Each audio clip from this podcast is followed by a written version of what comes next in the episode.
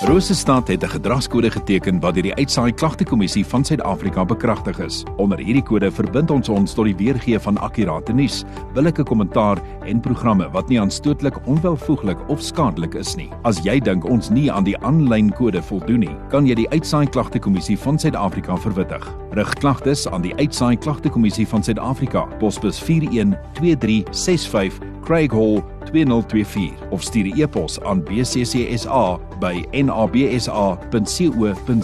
Vir verdere inligting, besoek www.bccsa.co.za. Tyd vir oggendgodsdiens op 100.6 FM. Ons kyk so op hierdie Vrydag het ek uh, weer in die ateljee saam met my Dominee Hannes Du Plessis en uh, sou hom ooit in die hande wil kry by die NG Kerk Universitas Wes. Dominee, welkom. Dankie Cyril, dis lekker hier weer op 'n Vrydag hier by jou. As ons 'n bietjie kyk, uh, ons kyk na na liefde, uh, spesifiek so jy het gepraat oor die Advent, uh, na na, na Kersfees toe. Ehm um, ons bly nog steeds by die liefde, né? Nee. Ja, ehm um, by hoop. By hoop. By yes. hoop. There we go. Geloof, hoop en liefde. Ekskuus ek jammer. By hoop. Yes.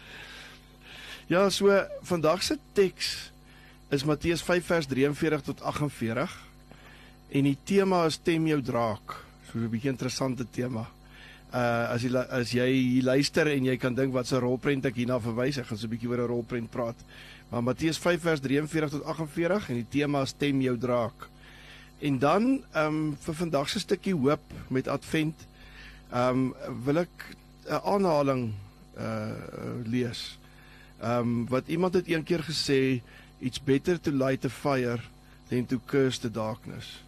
Nou ja, ons is hierdie week in Bloemfontein. Ons weet wat is dit om die water te hê nie. Ons weet in ons land hoe dit is om die krag te hê nie en 'n hele paar ander goed. Ek het nou pad hiernatoe gesien.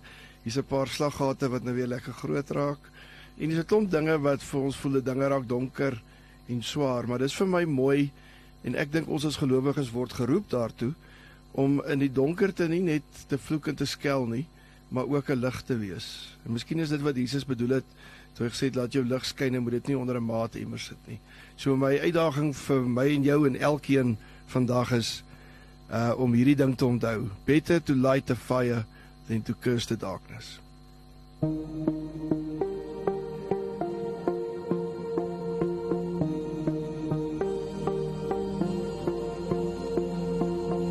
You died for me and others too. The sky went dark and lost its blue. Our hearts are broken, eyes filled with tears. Defeated hell, crushed every fear. It was life upon that tree. Your blood ran down for all to see. Chose to take the murdered way. But pain you wore that promised day.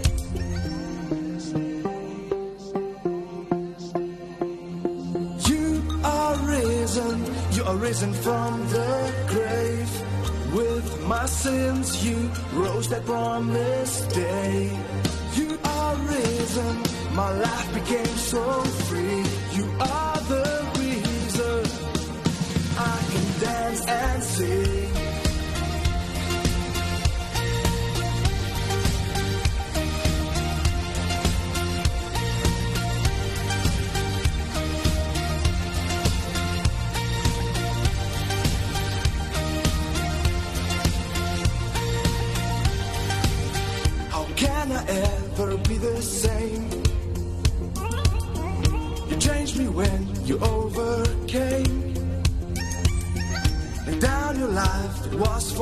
Me. Your love is more than I can see. You are risen, you are risen from the grave. With my sins, you rose upon this day. You are risen, my life became so free. You are the reason I can dance risen from the grave. With my sins, you rose that promised day. You are risen, my life became so free. You are the reason I can dance and sing.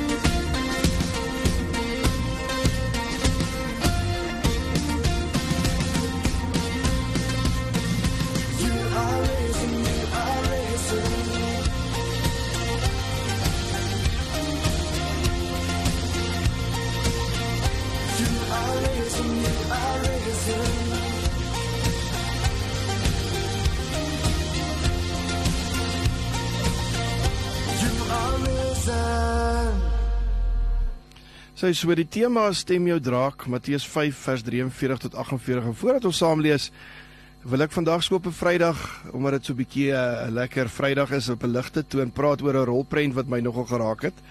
Nou ek hou baie van rolprente en om 'n een of ander rede is een van my gunsteling genres is einde van die wêreld goed. So ek sien as op Netflix nou weer iets wat uitkom. Ek dink vandag of môre wat ek gaan kyk.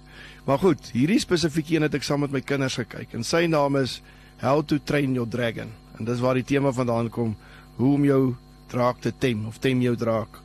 Nou vinnig vir die wat nie die rolprent kyk nie en ek nou sê spoiler alert vir die wat hom dalk nog wil kyk. Ehm um, dit gaan oor 'n gewone Viking dorpie, um, maar daar's een groot verskil. Hulle stryd is nie teen uh jakkalse en rotte en wolwe wat skape vang en verniel nie. Hulle grootste plaag is drake. So drake steel die skape en dit maak die mense, die vikings in hierdie verhaal maak dit baie kwaad. En daarom eh, beklei hulle vreeslik tussen die drake en die drake beklei natuurlik terug. Um inteendeel vir meer as 300 jaar as die as die rolprent begin, is daar al verbete gevegte tussen drake en mense. Um en hulle het sekere reëls voor jy behoorlik 'n viking vegter kan word, moet jy eers 'n draak doodmaak. Jy kan nie dis 'n man wees, jy weet jy moet nou eers 'n draak doodmaak voor jy regtig 'n viking kan wees. En in hierdie dorpie is daar 'n jong tingerige tienerseun, sy naam is Hiccup. Sy pa is die hoof van die vikings. Hiccup se liggaamsbou en onvermoë om die wapentuig te gebruik soos die ander is nogal skrikwekkend en hy's eintlik maar die grap van die dorpie. Een van hierdie drake wat die mense se lewe moeilik maak is 'n Night Fury. En dis een van die sterkste en gevaarlikste drake van al die tipe drake wat daar eers is. En een wat die moeilikste is om dood te maak ook. Hiccup kry uiteindelik na geveg met die drake een van hierdie gewonde Night Fury drake uh, uh, buite in die veld waar ander mense hom nie kan sien nie. En hy het hierdie wonderlike kans en is nogal 'n kritiese oomblik in die rolprent waar hy die geleentheid kry om hierdie draak dood te maak. Wat sou beteken?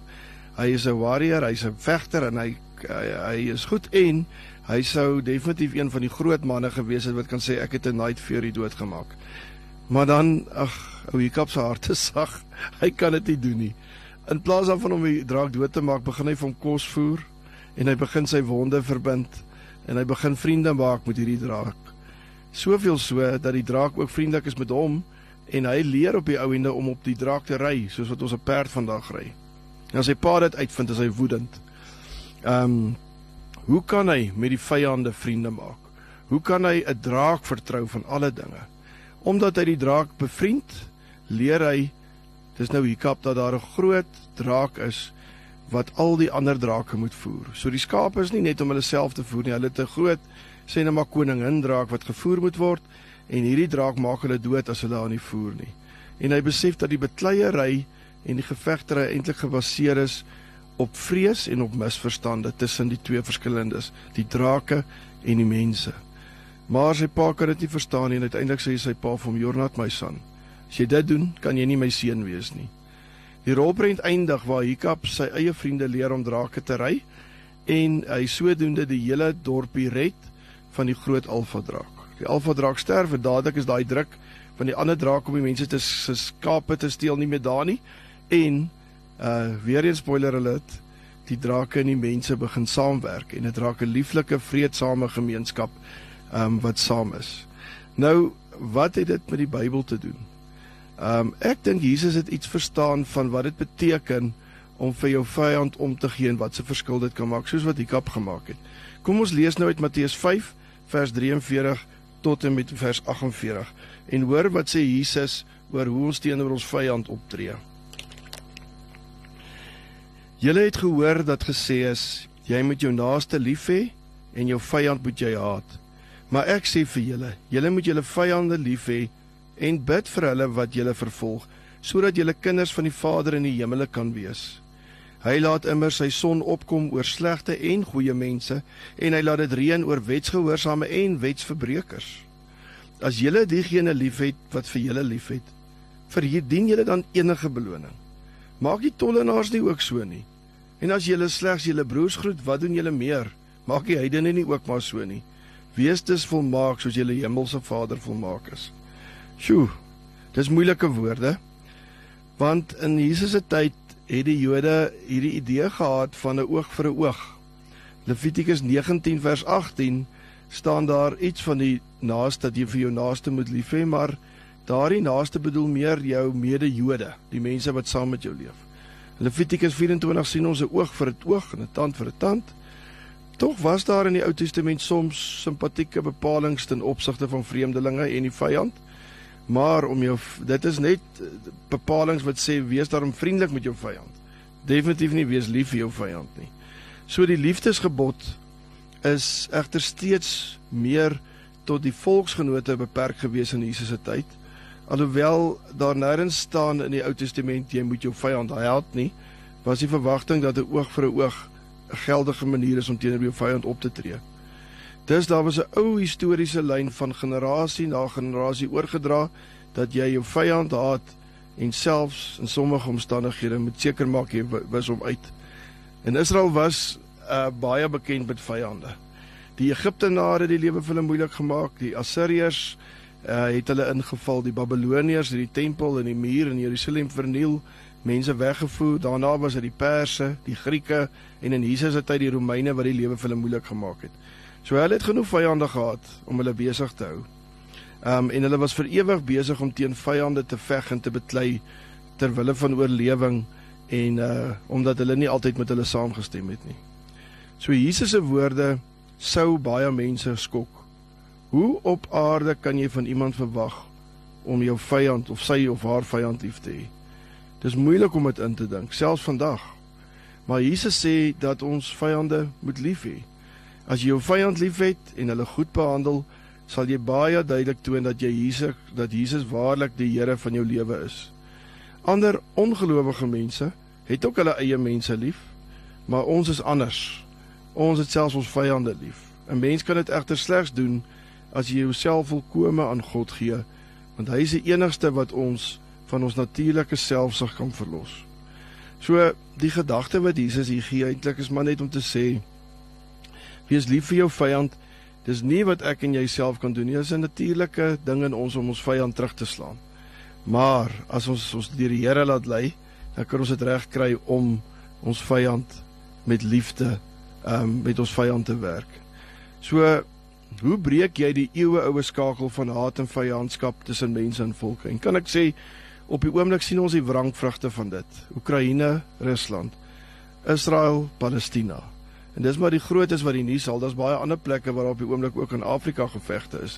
Tussen mense wat nie vir mekaar hou nie en op 'n meer persoonlike vlak mense wat saam met jou werk of by jou bly of mense wat jy met te doen kry wat jy nie van hou nie. Uh hoe breek jy hierdie eeue oue skakel van 'n oog vir 'n oog en 'n tand vir 'n tand? Wel in How to Train Your Dragon gaan dit daaroor dat Hiccup sy vyand leer ken het, dat hy met sy vyand gepraat het dat hy probeer verstaan het wat werklik aangaan en bietjie nagevors het oor wat gaan regtig met sy vyand aan. Hy het hom in die oë gekyk en hy het sy vyand gehelp. As mens sou vra hoe, ehm um, Jesus sê ons die duisende jare se geweld van oog tot oog, oog vir oog ehm um, kan oorwin, dan sê hy bewys liefde teenoor jou vyand. Doen gunste, doen moeite. Uh soos Hikap, jy weet, uh moenie jou vyand se wonde sout in sy wonde vryf nie verbaas hom deur goed te wees vir hom of vir haar. Wees die ander een wat nie net haat omdat uh wees die ander een sodat jy nie net haat omdat almal haat nie, maar probeer werklik verstaan wat is dit wat aanleiding gegee het tot die haat. En dan wil ek afsluit met 'n laaste gedagte. Nou, daar's onsekerheid presies wie hierdie aanhaling gegee het, maar daar's 'n dinge in Engels wat ons sê what you resist persist. Met ander woorde, dit waarteen ek veg sal bly totdat ek uiteindelik in my eie hart vrede maak. En dis wat in How to Train Your Dragon gebeur het en ek dink dis wat die Here Jesus van ons vra. Moenie aanhou veg nie. Bring vrede. Doen dit anderster, breek die siklus. En uh, ek wil afsluit deur te sê, miskien is daar iemand wat jy nou aan gedink het terwyl ek hierdie stukkie gelees het. En ek sê nie vir een oomblik is maklik nie. Dit gebeur nie oornag nie. Maar is daar dalk iemand wat jou vyand is waarvoor jy iets goed kan doen?